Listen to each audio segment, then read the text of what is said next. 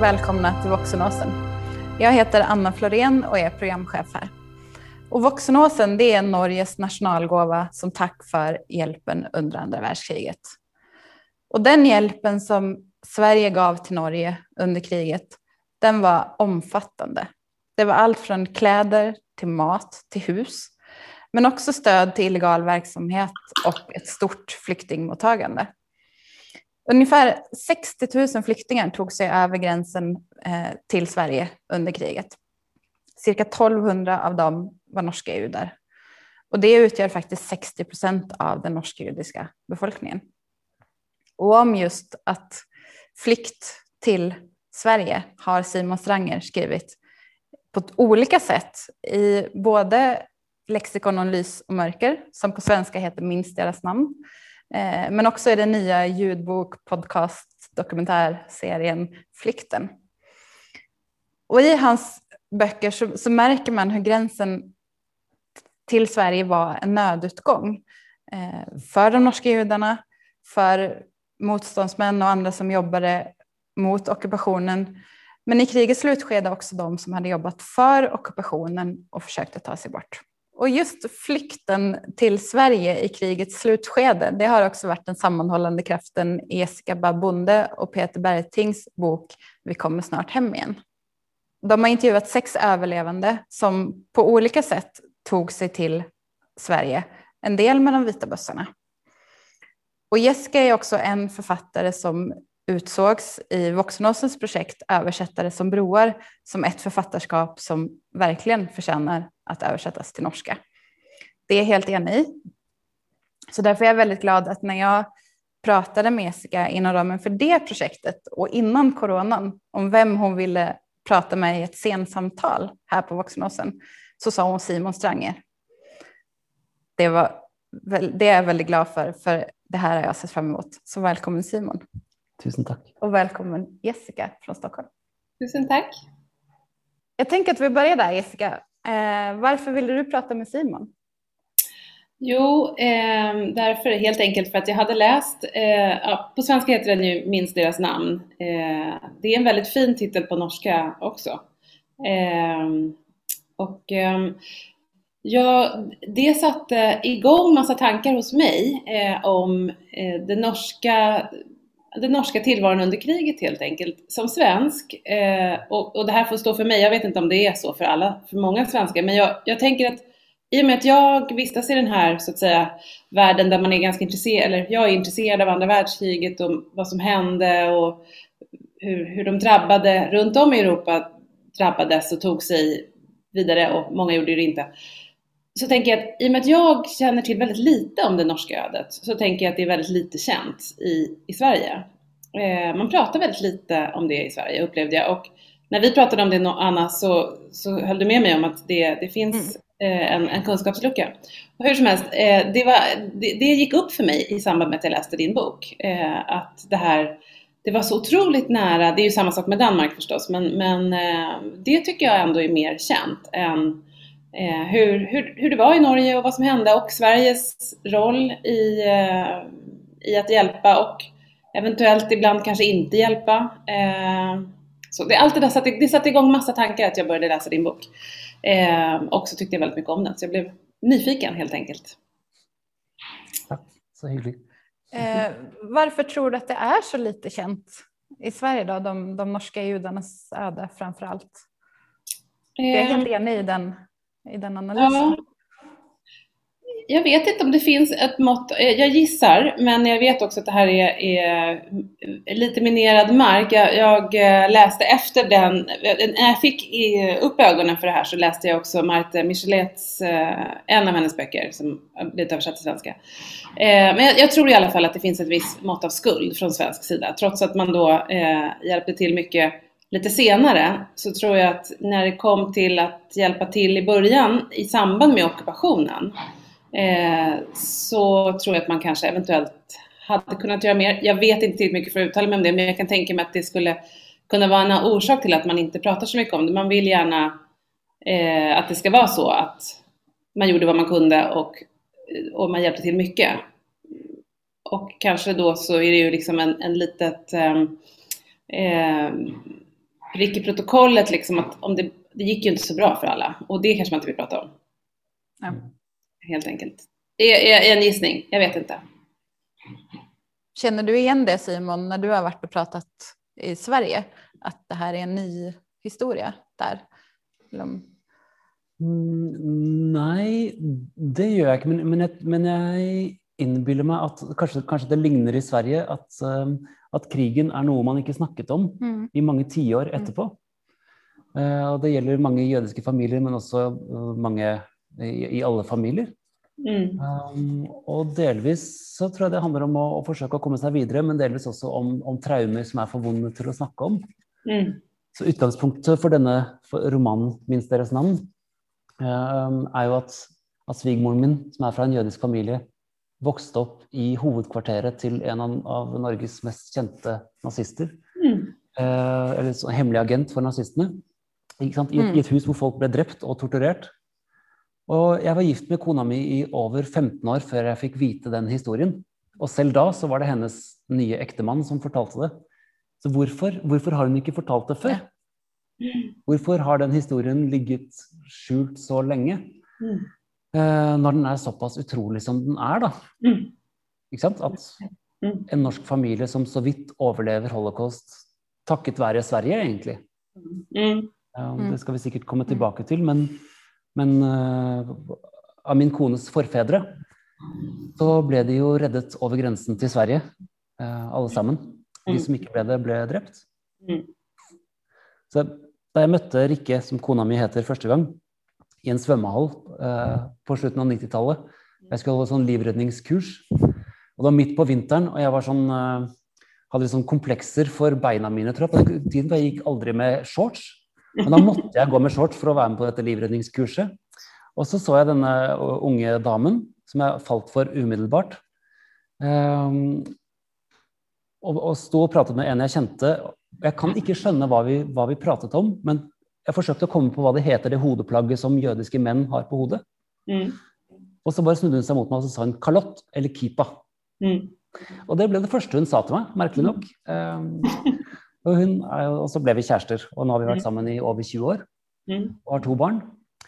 Men, men noe av, av de bakenforliggende årsakene til at det har vært mulig, eh, er jo at, at de norske jødene ble reddet eh, Mm.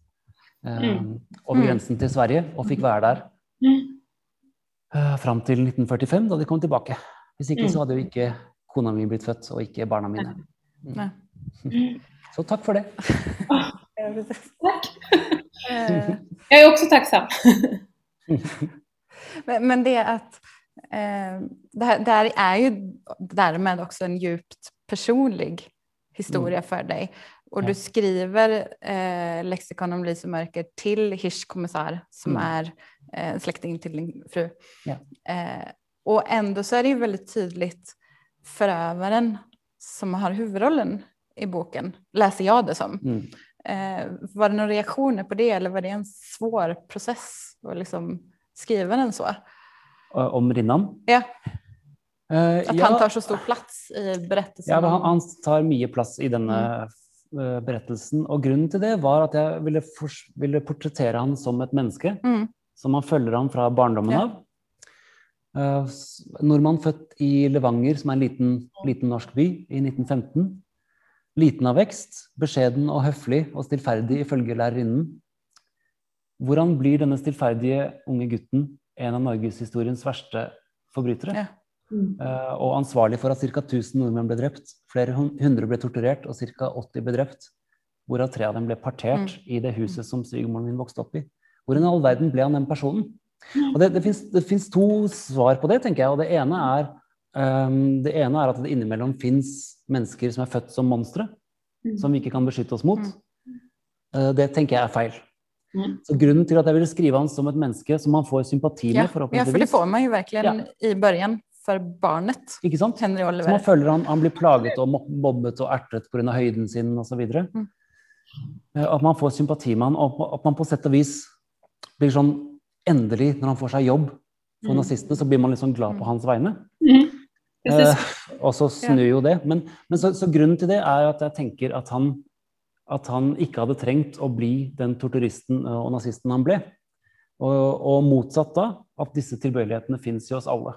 Mm. Att det inte är något, det är, det är ingenting unikt med, med den generationen av tyskare. Um, detta här är elementer som finns i oss alla.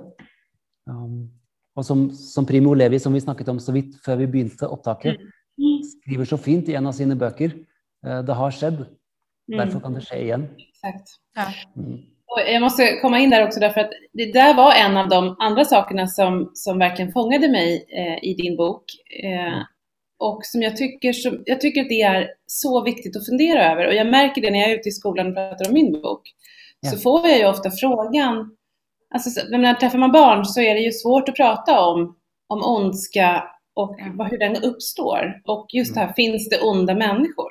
Och jag delar ju den uppfattningen med dig Simon, att det tror jag inte att det gör. Men eh, man kan drivas av, av man kan skapa, alltså, om miljön kan skapa det hos oss alla, eh, beroende på vad vi blir utsatta för.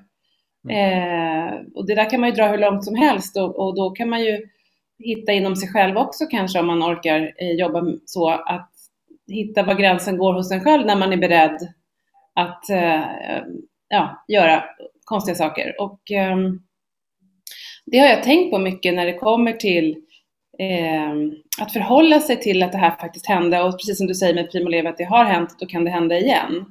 Mm. Eh, och hur man, hur, man ska, hur man ska förhålla sig till det eh, och försöka, för att också när jag är ute och pratar om, om min bok så handlar det ju mycket om att eh, jag diskuterar mycket om eh, varför är det viktigt att minnas? Varför är det viktigt att komma ihåg de här sakerna? Och mm. Det pratar man ju ofta om, men man glömmer ju ofta bort att prata om varför. Alltså att det är viktigt, det är vi alla överens om. Eh, men varför det är viktigt? Och det är ju i grund och botten för att det inte ska kunna hända igen. Men då måste vi ju prata om vilka verktyg vi kan, vad vi har att tillgå för att det inte ska bli sådana här rinnans igen. För du, du intervjuar ju, är det fem eller sex personer i din, i din bok? Ja. Och en av dem säger det som explicit, om jag husker riktigt, som, som orsak till mm. att, att vilja börja och berätta om, om det här. Att, mm. uh, att det börjar komma tankar om att holocaust, eller påståenden om att, om att holocaust aldrig fanns sted. Mm. Precis. Mm. Och det är ju så, det finns ju folk som påstår det. Eh, och det är ju, jag menar, det är ju även svårt att förstå eh, den ondskan som, som eh, Rinnans gäng utsatte folk för i det här huset som din svärmor växte upp i. Mm. Det är ju obegripligt att förstå att man kan Mm. Ja, vad är det som framkallar det? Och det är det som är så bra, alltså intelligent grepp också i din bok, för det är precis det vi behöver, vi behöver förstå, eh, även om det är svårt. Vad är det som kan framkalla den här ondskan? Ja, vi gör det. Um, och, och någon gånger så tänker jag att, att det är viktigt inte bara, inte bara som ett historiskt dokument, men, men nettopp, för, uh, nettopp för att hindra att det ska ske igen, för att igenkänna dessa strukturerna uh, i oss själva och i samfundet. Och se hvordan, vad, vad, är det som, vad är det som kan ske i yttersta konsekvens när vi börjar att snacka om mm. andra människor uh, som folkgrupper. när vi börjar att laga ett skille mellan oss och dem, Um, och när vi börjar att prata om, om folk i hatefullt tonelag, så hatprat, säger vi på norsk. Mm. Mm. Jag tänker att en, en, ändestationen för hatprat är ju Auschwitz. Sant? Att man börjar att ta från folk sin mänsklighet. Och var är det vi är i färd med att göra det i Nordeuropa i vår tid? Mm. Det är det värt att följa med på. Mm. I Norge i hvert fall så tänker jag det särskilt mus muslimer uh, som blir omtalt som en en grupp. Selv om det är 1,3 miljarder människor liksom i Indonesia ja. Oslo och New York och hvor som helst. Eh, och så är det romfolk. Och det är kanske det, tättaste jag har kommit upp till det att finna någon av dessa gammaldags hatföreställningarna om jøder har dykt upp igen um, om, om romfolk i uh, Norge. Sånn, Ja, exakt. Att de gör från sig parker och spiser ja. hönor och, nej, spiser duor och... Mm, ja, vad de nu, precis. Och det är exakt samma erfarenheter eh, i Sverige. Och just mm. de här två grupperna som, eh, där man, i synnerhet romerna skulle jag säga i Sverige, där man, ja, det är, där har jag till och med närmat mig att här, börja tänka att ja, det skulle nog kunna ske att man bestämde de ska bo där i ett speciellt Mm. De får bo där, de får, vi, vi vill inte ha dem någon annanstans. Det, det är inte jättelångt bort att man skulle kunna... Det luktar ju och det... Ja, man har, pratar om det som en, en grupp som man in, de är, delar inte samma människovärde som uppenbarligen som vi. Så är det. det. Det har man ju tagit bort från dem. Ikke sant? Så jeg syns det var intressant att känna på noe sånn som den begynnende sånn type motstand hos meg selv også. da. Exakt. Så hvis man bare skrur opp det, um, sånn som på 30-tallet i Tyskland mm. Så, så vi, vi, vi, vi, må holde øye med oss selv og med samfunnet, og vi må, sånn som du gjør så vakkert i din bok, uh, gi, gi, nye generasjoner en mulighet til å, å høre disse historiene. Mm. Mm. Och det, det var hela orsaken till att du skrev just den här boken. Är det drivet att ändå förändra världen eller att upplysa? Eh, eller, eller varför blev det just den? Eh, jag tror att det, det, är nog helt enkelt så, även om det låter väldigt stort. Eh, det är nog ett hopp om att Alltså det är nog lika delar, en, det grundar sig lika mycket i det här med övertygelsen om att har det hänt så kan det hända igen. Mm. Som att vi är inte onda människor när vi föds, utan vi behöver lära oss hur vi ska bete oss mot varandra.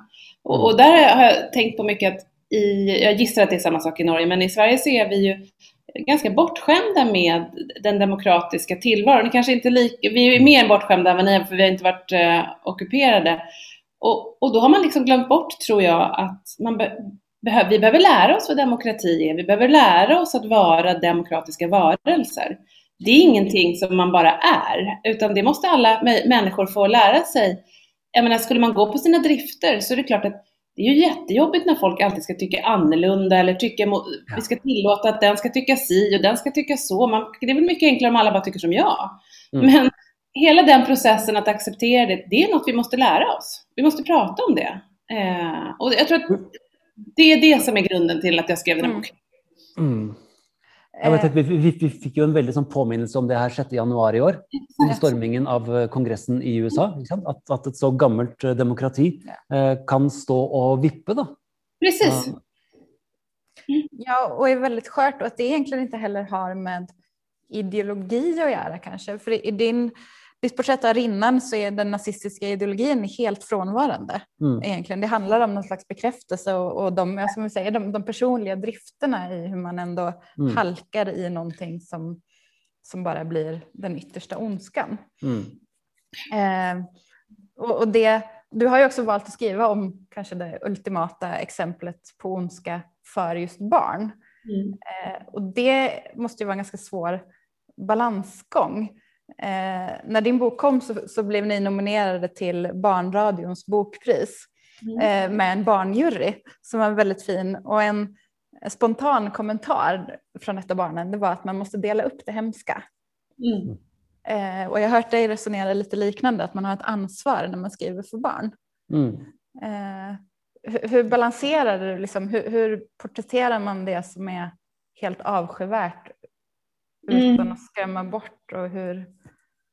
Alltså det finns ju någon balans i det där med att eh, dels så tror jag att barn eh, märker om man tar bort, eh, om det är något man inte säger, eh, mm. som, de ändå, som, det ändå finns, som ändå finns där. Så mm. Det är lika bra att prata om det, men man får hitta sätt att prata om det på. Eh, och sätt som de kan förstå och sen så tror jag att eh, man ska vänta tills de själva frågar. Mm. Och att liksom fånga upp det, där de är. Alltså, sen är, är man, är man 12-13 år och då kan man ju börja liksom bli, men när man är liten och börjar fråga om de här sakerna. För det var så jag upplevde också att det var, att det fanns inte riktigt någon bok. Man började prata om det i skolan tidigare och tidigare och det kan ju också ha att göra med att det inte det är inte läroplanen utan det är omvärlden som har du hört att det fanns en gubbe som hette Hitler som ja, men liksom allt som dödade någon och så började de prata om det och så kommer de hem och så frågar de och så vet de inte, då är det lättare att ha en bok att utgå ifrån och sen får man följa upp dem där de är. Eh, mm. men, men det är klart att det, det går ju inte heller att eh, säga de värsta sakerna rakt ut så, mm. utan eh, en balans tror jag. Att det, jag hade ju en liten testpilot eh, hemma. Eh, jag hade min, då var, då var han eh, nio, min son. Och jag testade lite på honom eh, genom att läsa upp en del texter och så kände jag själv instinktivt när jag, nej, nej det här kan jag inte eh, ta med. Men, eh, och sen fick han läsa igen när det, var, när det var klart och titta på bilderna och så eh, liksom, kunde jag märka var någonstans som det blev um, obegripligt. För jag tror att det är det som, alltså, det, obegripligt är det ju per se, det är klart att det är obegripligt, men mm. um, där det inte landade någonstans. För jag tror att jag var, både jag och Peter var väldigt noga med att varje berättelsebåge fick åtminstone ett slut. Det blev så här. Sen blev det kanske dåligt eller det blev bra, men det, det gick att förstå inom ramen för berättelsen eh, vad det var som hände. Och alla, alla ender ju i trygghet i Sverige i ja. din bok, så det är liksom ja. rammen. Man känner att alla... Mm. Precis. Och det var ju också eh, liksom, meningen att mm. eh, de har ju förlorat familjer, familjemedlemmar allihopa, men de överlevde ju. Ja. ja. Simon, eh, du har ju också pratat om att man har ett ansvar när man skriver för barn. Och samtidigt skriver du in dina egna barn i berättelsen. Ja. Eh, det måste också vara svårt. Hur, hur har du tänkt där och hur, hur väljer man vad man berättar? Ja, ja det, är, det har varit ganska vanskligt. Um, också fordi också fordi fascismen finns ju fortsatt, ikke sant? Um, og nynazismen finnes. Uh, sånn at jeg, så jeg har jo lurt på noen ganger om det å skrive inn barna mine, eller å skrive denne boka i det hele mm. tatt, kan utsette familien min for fare. Ja. Så, Selv i, i, vår tid. Mm. i 2021. Um, nå har det gått fint, men uh, det er en, en, scene som jeg har med i boka hvor, uh, hvor Rikke, kona mi, er på en bar på 90-tallet mm. Eh, og treffer en, en ung, sånn kjekk mann ja. Eh, som hun tror er antirasist. Mm. Uh, og så står de liksom og prater og, og flørter litt. Og det blir en sånn stemning av kanskje det er vi to som skal bli, gå hjem sammen. Mm. Før hun skjønner at han er, ikke er antirasist, men nazist. Mm. Um, og det viser seg, når han da spør ok, hva heter du til Og hun sier at hun er jødisk, så mm. da kan ikke det her bli noe av. Mm. Hva heter du til etternavn? Kommissar. Kommissar, da står du på lista vår. Hvilken liste? Da står du på dødslista vår. Og så går denne samtalen fra å være en sånn flørt mm. på en bar til å bli full av skrekk og sinne. Uh, så det, det, er jo liksom noe som, som jeg har, har, har, med meg. Um, men vi er jo ikke troende og ikke en del av sånn jødiske samfunnet. Men, men, barna mine er jo med uh, i romanen også. Mm.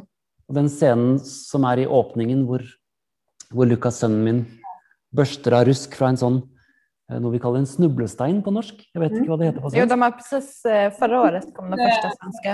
Ja. ja, vi har precis fått sådana här också. Ja, eh, som är sådana små minneplaketter som, som sätts i fortauet utanför bygårdene hvor jødiske familier som ble drept, bodde. Og Hirsch kommissar, som er tippoldefaren til barna mine, var en, et, et av de.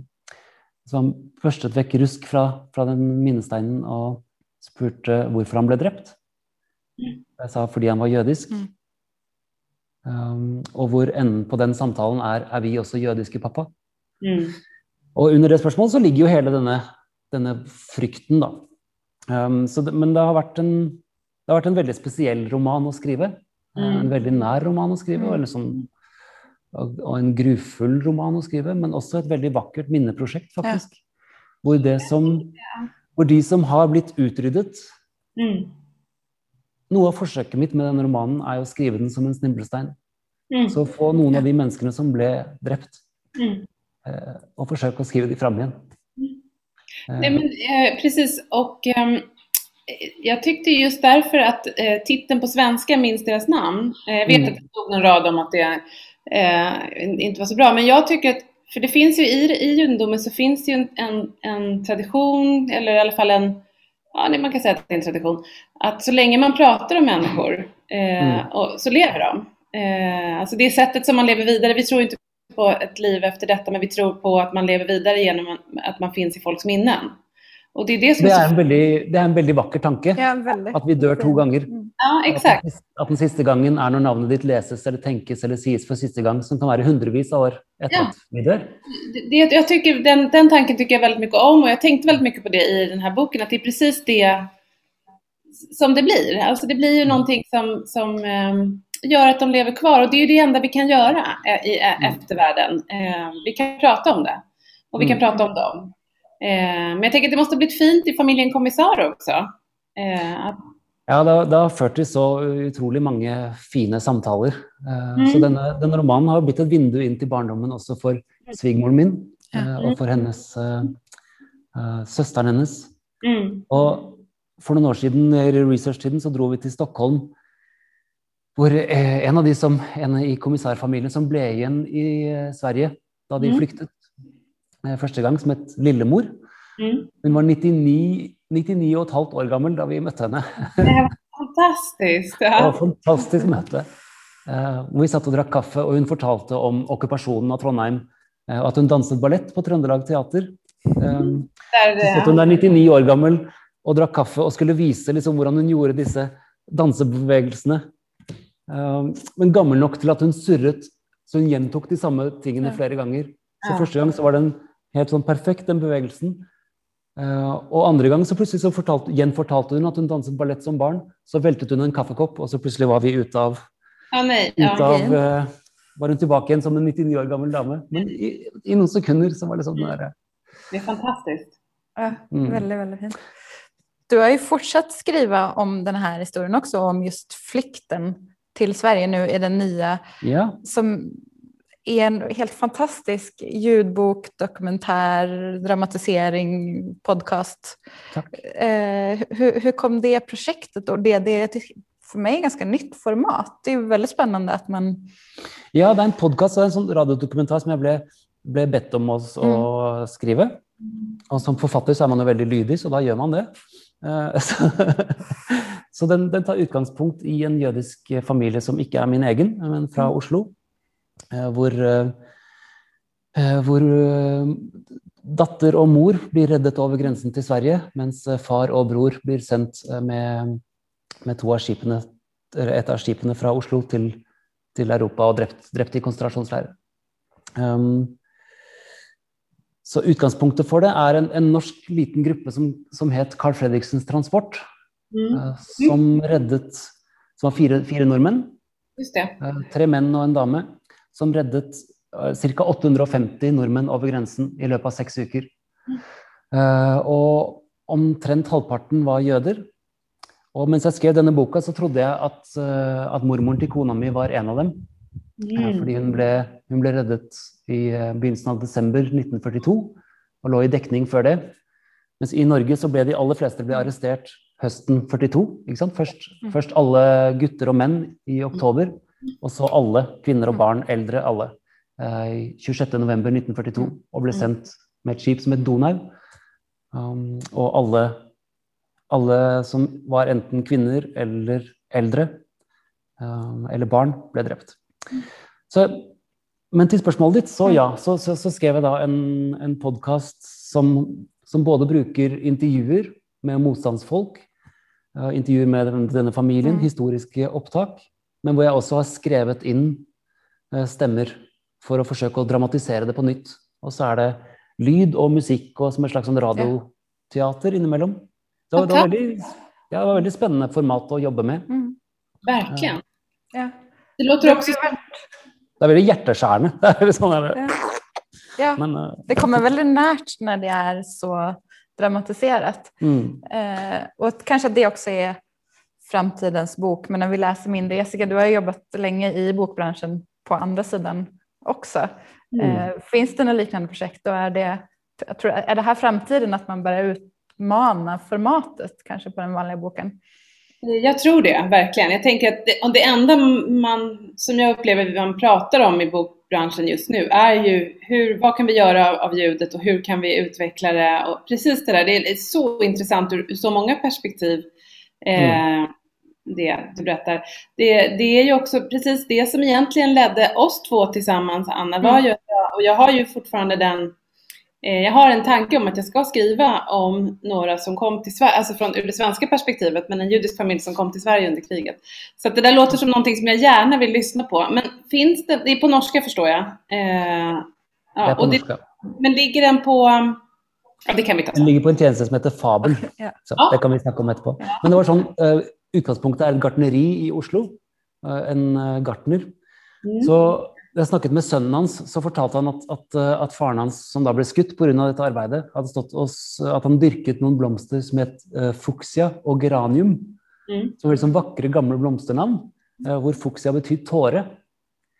Eh, så fikk jeg han som lagde musikken til det her, til å lage et korverk med disse blomsternavnene. Så at man får, det, man får den samtalen i episode én, og så begynner episode to med et korverk bare med eh, fuchsia og geranium. Så det er liksom sånne ting man kan gjøre som er helt annerledes enn i en bok. da. Mm. Nok reklame. Det var, det var Ja. fint å jobbe med. Ja, men det är väldigt spännande. Och det, det, det någonstans, eh, ja, men hela den här kopplingen Sverige-Norge, Sveriges roll och du var en aktör och den deporteringen av de norska judarna den Mm. 26 november 42 var den mest omskrivna nyhetssaken Mm. i Sverige 42. Mm. Och det är också väldigt tydligt att det är det som leder sen till att man ju räddar de danska judarna ett år Exakt. senare. Så att den här historien förtjänar så väldigt att lyftas fram både i en svensk och norsk Men det er, jo så, det er jo så utrolig og, og på en måte ufattelig at Sverige ble latt være i fred, syns jeg. At, Mm. at alle jødene som, som klarte å flykte dit, at de fikk lov å, å stanna der. Mm. Mm. Eh, Men eh, Men det svängde ju också under kriget, men i början så stoppades judar. Det var inte ett asylskäl att man var judisk i ett naziockuperat land nei. fram till hösten, tidig höst Det 42. är det som är sorgligt. Alltså det, det är ju Ja. otroligt fint att så många räddades och att man kunde komma till Sverige och då blev räddad. Samtidigt så är det så sorgligt att det dröjde så länge innan Mm. Sverige vaknade till. Precis, men Sverige vaknade ganska ordentligt. Det var till och med så att den norska regeringen skickade en hemställan till eh, tyskarna och sa att vi kan ta emot alla norska judar som är gömda. Mm. Eh, skicka dem till oss och tyskarna sa nej. Så Mm. det, det händer någonting här ändå med någon form av broderskärlek Mm. eller närhet eller någonting Mm. sånt. Eh, som jag tänker visar att vi ska fortsätta prata med varandra. Men att vi Vi nog det. måste avrunda idag för det, Ja. tiden bara sprang iväg. Og nå, og nå sitter vi i et rom som er en gave fra Norge til Sverige. Som Precis. Som tack det du för gjorde. eh, den här hjälpen. mm. Och jag är helt säker på att vi kommer, ni kommer fortsätta skriva om det här. Vi kommer fortsätta jobba med det. Eh, tillsammans med Forum för levande historia så jobbar Vuxenåsen med studieresor från Sverige till Norge för att lära sig mer ifrån de minnesplatserna som finns här om Karl Fredriksens Mm. transport och om alla de här historierna. För det gör, det blir närmare när Sverige är en aktör. Mm. Så så fort det är möjligt så är alla svenska skolklasser välkomna till Vuxenåsen. Det är ett fantastiskt initiativ. Jag hoppas att det når ut till alla svenska skolor. Vi hoppas det också. Eh, vi fortsätter nu, jag kommer ha ett samtal här senare i vår också med Mats Tagnestuen från Jödiks museum och ett gäng svenska lärare om precis hur, hur vi undervisar om den förintelsen och de norska judarnas öde Mm. i Sverige. Spännande. Så häng med oss på Facebook och hemsida för att lära mer om det. Tack snälla Simon och Jessica för att du kom med. Tack snälla, tack för initiativet. Tack.